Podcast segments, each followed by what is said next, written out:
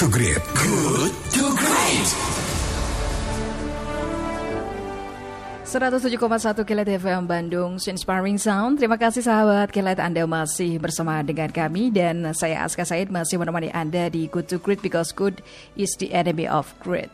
Tiba saatnya kami akan mengajak Anda untuk berdiskusi di pagi hari ini dan tema diskusi pada pagi hari ini mengenai menelaah Omnibus Law RUU Cipta Kerja Bagaimana agar tak berimplikasi pada tumpang tidih kewenangan antara pemerintah pusat dan Pemda dan bertentangan dengan konsep otonomi daerah.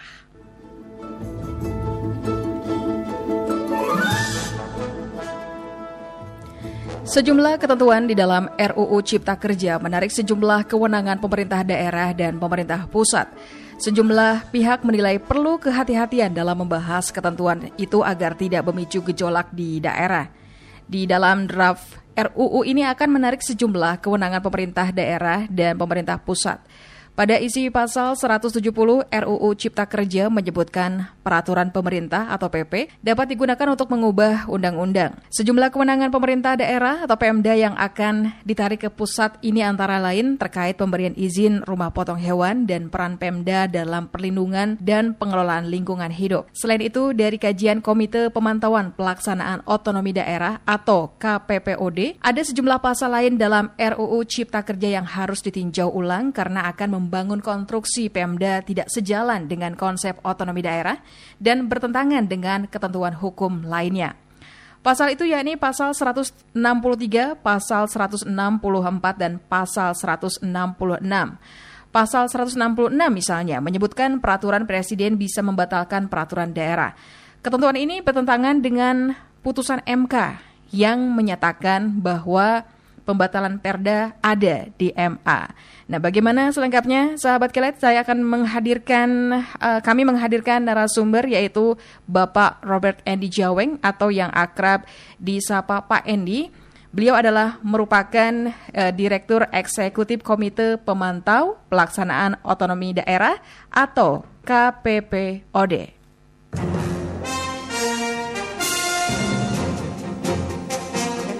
Selamat pagi Pak Andy. Selamat pagi Mbak Aska. Iya, apa Selamat kabar? pagi juga para sahabat lain. Ah, ya. Pak Andy, senang sekali saya bisa berbincang bersama dengan Anda. Sama-sama Mbak Aska. Apa kabar? Sehat, Pak? Alhamdulillah baik selalu Mbak. Ah, luar biasa sekali.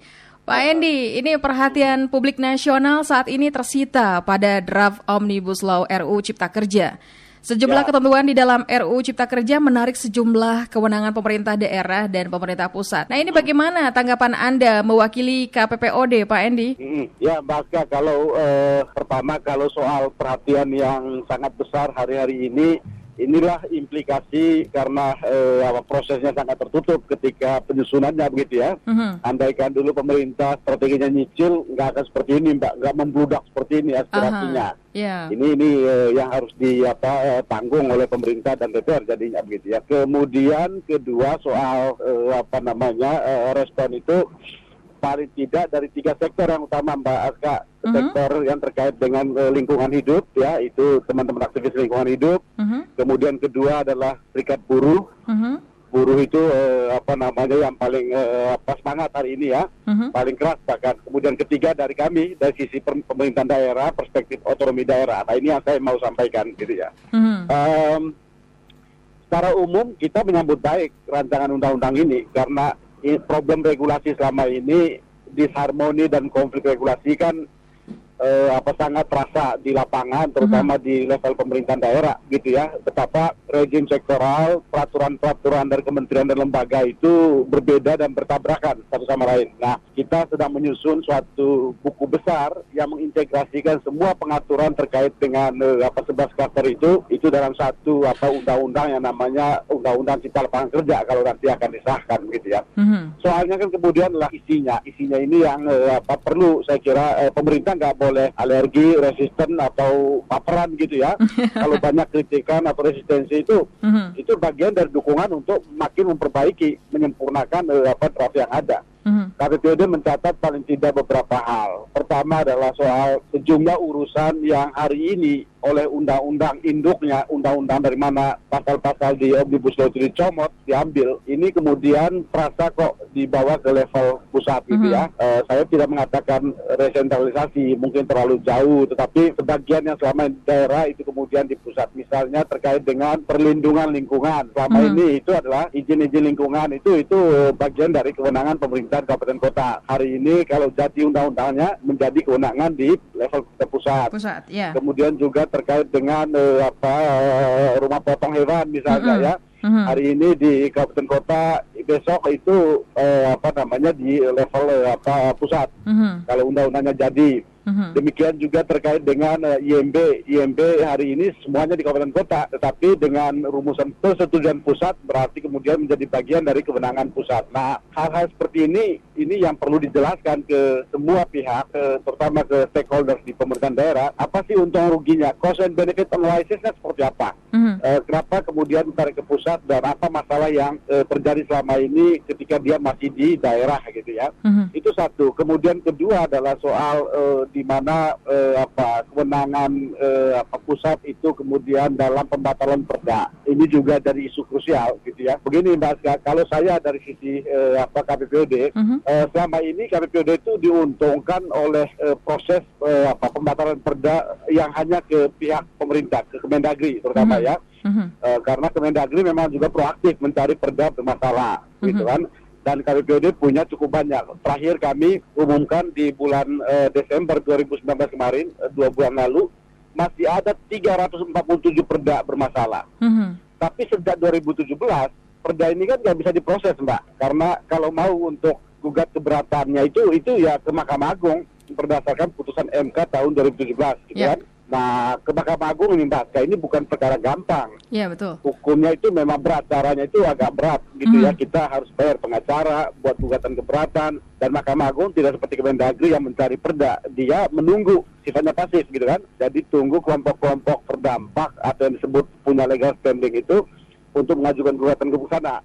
Tapi sisi lain, eh, ini kan masalahnya adalah secara empirik banyak perda bermasalah. Tapi Mhm. sisi lain kan putusan MK itu sudah mengikat bahwa kewenangan pembatalan perda itu ada di Mahkamah Agung kan gitu.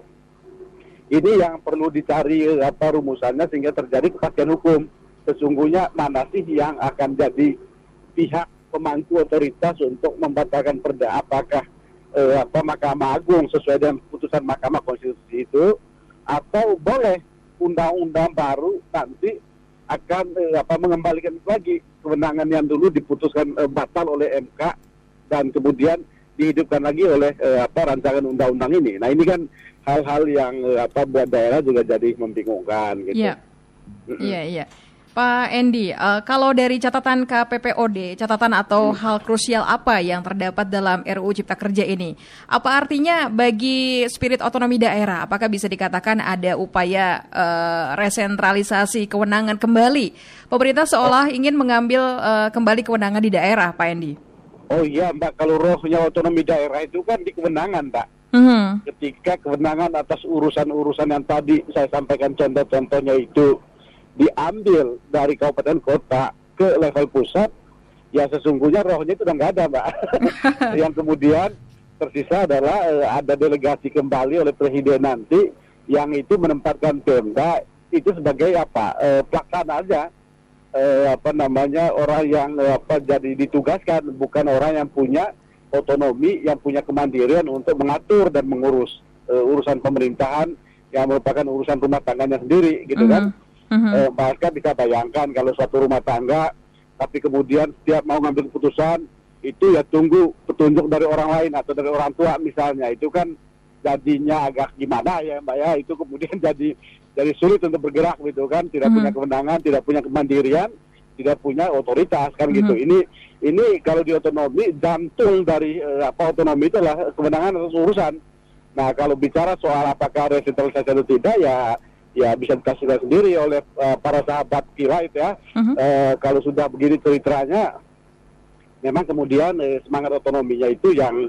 yang sudah mengarah ke pusat kami menyebutnya arus balik Iya. eh, apa de- resentralisasi eh, Mhm. ke pusat ya Mhm. ini eh, apa mudah-mudahan pemerintah bisa duduk bersama lah kita mengharapkan apa keseimbangan kebijakan bahwa ada porsi pusat, ada porsi daerah, gitu Mhm. kan. Jangan kemudian Republik ini diurus semuanya dari pusat. Waduh, ini tabrak dengan semangat Jokowi ini, Mbak. Nawacitanya itu adalah membangun Indonesia dari pinggiran. Iya. Nah ini kok membangun semua dari Jakarta. Nah, Mhm. ini kan nggak benar gitu kan. Mhm. Ini yang harus eh, apa pihak DPR nanti ketika membahas secara terbuka itu harus dengar semua ini aspirasi-aspirasi seperti ini sehingga jangan kemudian terburu-buru kejar 100 hari malah korbankan kualitas proses, kualitas isi dikorbankan dan orang kemudian akan ke Mahkamah Konstitusi untuk mengajukan apakah gugatan judicial review atas materi maupun atas formilnya proses pembentukan. Nah ini ini kan eh, apa namanya yang perlu kita antisipasi, Mas ya. Iya, iya. Pak Endi, menurut Anda, apa yang melatar belakangi pemerintah pusat eh, untuk melakukan kebijakan-kebijakan ini yang kembali lagi ke pusat? Menurut Anda apa yang melatar belakanginya? Mungkin pusat sudah lelah, Mbak. sudah capek kali mereka ya. Dua, hampir 20 tahun berotonomi ini kan eh, selalu terjadi masalah tata kelola di level daerah. Terjadi problem disharmoni atau bahkan hubungan bermasalah antara pusat dan daerah gitu ya. Eh, jadi eh, pusat mungkin sudah tidak sabaran lagi untuk menunggu proses ini, proses pembelajaran agar daerah makin matang, agar daerah makin eh, apa bagus dalam tata kelola pemerintahan gitu ya. Hmm. Eh, tetapi gini eh, harus dilihat bahwa otonomi ini berkontribusi untuk isu-isu fundamental di Republik ini. Mhm. Indonesia bisa bertahan hingga hari ini antara lain karena kontribusi otonomi. Keadilan itu kemudian didistribusikan ke level regional. Mhm. Karena kita tahu beberapa daerah di tahun-tahun awal 2000 itu kencang sekali untuk menuntut eh, apa namanya otonomi bahkan eh, jauhnya adalah sampai pada tuntutan disintegrasi kan gitu. Iya. Ini yang eh, saya kira harus dilihat jangan sampai kemudian kita setuju ekonomi harus dibangun secara kuat. Ekosistem investasi harus direform. Tetapi jangan kemudian eh, otonominya digerus, otonominya diambil alih yang membuat kemudian keadilan itu terganggu. Keadilan wilayah, keadilan regional. Ini sebenarnya otonomi memastikan bahwa republik ini dibangun di, di atas keadilan dan keadilan itulah yang membuat kita tetap bertahan, tetap bersatu hingga hari ini. Nah ini ini yang harus di apa lihat eh, pusat jangan cepat eh, apa ngambil kesimpulan bahwa otonomi ini menjadi faktor negatif bagi investasi enggak. Mhm. Tentu memang ada masalah, tetapi eh, apa namanya prosesnya saya kira sudah di arah yang benar hari ini sehingga tidak perlu lah untuk eh, apa bermain bandulan gitu ya bandul dari sangat ekstrim ke ekstrim yang lain gitu kan A ke B B ke C dan sebagainya yang membuat kemudian kita jadi tidak punya pola jadi pusat eh, bersabar kemudian kedua adalah jangan lupa mbak selama ini masalah hubungan pusat dan daerah itu itu hulunya itu Mhm. tetap pada pusat karena memang regulasi di pusat itu tabrakan satu sama lain Mhm. fragmentasi di pusat mengalir menjadi fragmentasi di tingkat lokal dan kemudian disharmoni pusat dan daerah terbentuk. Mhm. Pusat mengatakan daerah itu balelo, enggak. Pusatnya sendiri harus benar dulu. Mhm. Antar kementerian di pusat sudah bersatu enggak? Kementerian Kehutanan dan Kementerian per, eh, SDM terkait pertambangan udah bersatu enggak? Eh, Terkait dengan BPN pertanahan dan sebagainya. Nah ini kan yang yang menjadi pekerjaan rumah di pusat. Mudah-mudahan undang-undang eh, apa omnibus law nanti cipta lapangan kerja ini ini bisa mengharmoniskan, mengintegrasikan pengaturan antar kementerian lembaga sehingga ke daerah jelas, clear. Ketika saya mau mengurus izin ini, jelas rujukannya. Nggak kemudian terjadi fragmentasi atau disharmoni dalam hal rujukan di payung hukum nasionalnya. Nah, ini yang harus dicegah. Iya, iya. Pak Endi, tadi Anda mengatakan eh, pusat mungkin sudah lelah ya, hampir 20 Hmm, tahun. iya, iya. Apakah ini Ya. artinya eh, ada distrust pemerintah pusat pada pemerintah daerah atau bagaimana Pak Endi menurut Anda? eh distrust itu pada tingkat tertentu ada ya. Eh, apa namanya eh, ketidakpercayaan bahwa Pemda itu memang punya niat untuk berubah. Bahwa Pemda itu punya niat untuk eh, apa mengelola otoritas yang besar diimbangi dengan kapasitas dan integritas yang kuat gitu ya. Karena eh, apa namanya bahaya eh, apa namanya eh, kalau terjadi eh, apa otoritas yang besar pada satu sisi Mhm. sementara sisi lain kapasitas dan integritasnya lemah. Yang terjadi adalah inefisiensi dan korupsi. Kapasitas lemah itu menghasilkan inefisiensi, integritas lemah itu menghasilkan korupsi. Nah ini ini kan memang terjadi nyata di daerah hari ini, Mbak. Inefisiensi itu terjadi pada pengelolaan anggaran kita yang tidak apa efisien. Eh, korupsi ya kita tahu hari Mhm. ini sudah sangat banyak kepala daerah yang berjerat pada masalah hukum. Mhm. Tapi eh, tidak lalu kemudian menjadi alasan untuk eh, membenarkan upaya-upaya untuk meresentralisasi. Nggak Mhm. bisa begitu cara lihatnya. Jangan-jangan selama ini memang eh, apa dukungan pusat untuk penguatan kapasitas, pengawasan pusat untuk menjaga integritas itu nggak terlalu nampak Mhm. begitu. Jangan-jangan seperti itu. Jadi memang ini harus refleksi dua belah pihak lah. Jangan kemudian eh, apa merasa diri eh, benar sepihak dan kemudian menyalahkan pihak yang lain dan kemudian eh, mengambil aksi-aksi sepihak dalam bentuk resentralisasi. Nggak boleh begitu cara mengelola republik ini. Jadi eh, saya kira intinya gini mbak. Sekarang eh, apa bolanya di Senayan ya. Saya dengar eh, apa pemerintah juga akan roadshow safari ke eh, 30-an eh, apa kota dan kabupaten eh, di Indonesia untuk sosialisasi ini dengarlah suara daerah. DPR harus membuka proses partisipasi, biarkan semua aspirasi itu muncul dan kita berdebat dalam proses pembahasan. Nggak usah diburu-buru 100 hari. Mhm. Yang penting berkualitas prosesnya, berkualitas isinya. Mhm. Ketimbang kita cepat-cepat tapi ternyata kemudian tidak efektif dalam implementasi dan bahkan hari-hari pertama sejak disahkan orang sudah ke Mahkamah Konstitusi untuk menggugat. Nah ini kan yang yang harus disadari pemerintah gitu Mbak. Ya, betul Pak Endi. Pak Endi, ini kan sejumlah pihak menilai eh, mengenai hal ini terjadi banyak sekali tumpang tindih seperti yang tadi Anda jelaskan. Hmm, hmm. beberapa RU seperti ada eh, rumah potong hewan, kemudian Hmm, juga perizinan IMB, kemudian Iya, juga ada ah, ah, pengelolaan lingkungan hidup dan lain sebagainya. Ini antisipasinya apa agar tidak memicu gejolak di daerah, Pak Endi menurut Anda? Ya harus eh, apa duduk bersama ya eh, dibicarakan. Karena saya tahu benar selama dua bulan sesungguhnya eh, apa saya terlibat dalam fasilitasi eh, apa Pemda untuk mendengar aspirasi mereka dan kemudian merumuskan untuk disampaikan. Dan sangat banyak eh, apa namanya yang mereka sampaikan. Jadi saya kira baiknya kalau pemerintah dengar sendiri biar dia tahu bahwa eh, pemerintah pusat maksud saya biar mereka tahu bahwa eh, banyak loh suara-suara yang yang apa namanya eh, muncul dari daerah. Dan jangan lupa bahwa apa pun kebijakan di republik ini nanti implementasinya di daerah. Mhm. gitu kan? Apa pun. Termasuk ketika OSS online single submission tahun lalu 2018 itu diluncurkan. Hari ini nggak jalan tuh pak. Karena memang pusat nggak mendengar daerah. Jangan mengulang kesalahan yang sama ketika omnibus law dibuat tidak mendengar eh, apa suara daerah. Daerah itulah sumber evidence sumber bukti data dan informasi sumber aspirasi dan sebagainya. Dan jangan lupa pelaksanaannya itu di daerah. Jangan kemudian orang disuruh melaksanakan tapi dia nggak dengar suaranya. Mhm. jangan disuruh orang melaksanakan tapi dia sama sekali nggak tahu gimana sih eh, apa namanya asal usul eh, dari apa suatu kebijakan atau eh, perubahan kebijakan yang ada gitu kan. Ini apa era kebijakan publik di era desentralisasi itu adalah proses di mana proses di pusat itu harus melibatkan dan mendengar suara daerah. Jangan mengolah desentralisasi dengan cara-cara sentralistik. Mhm. ini nggak benar. Yang membuat kemudian pihak daerah akhirnya kalau nggak mengkritisi ya dia akan resisten. Kalau nggak apatis. Nah ini kan yang harus eh, dilihat pusat. Saya kira pemerintah tahu benar. Paling tidak dia belajar dari pengalaman setahun ini. Sejak PP 24 2018 tentang online single submission sudah dilaksanakan satu setengah tahun tapi nyaris nggak ada daerah yang menjalankan itu kecuali Kabupaten Sidoarjo yang Mhm. menjalankan integrasi penuh eh, apa namanya sistem layanannya ke sistem OSS yang lain itu masih angot-angotan tuh mbak Mhm. masih menggunakan sistem mereka sendiri. Nah ini kerasa karena memang ketika PP itu disusun, suara daerah nggak didengar, daerah nggak terlibat, tahu-tahu kemudian dok dan diminta laksanakan.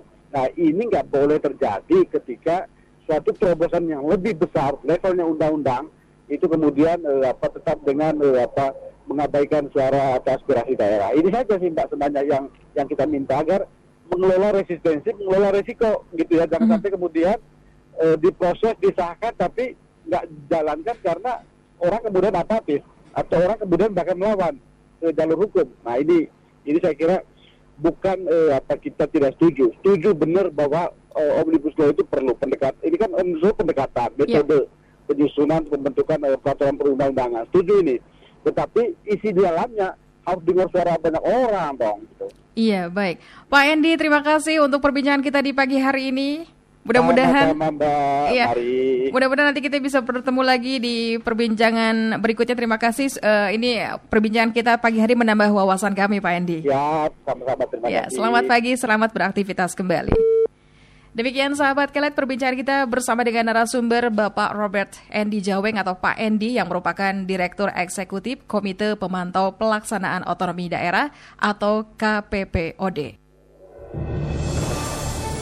Good to Great. Good to Great.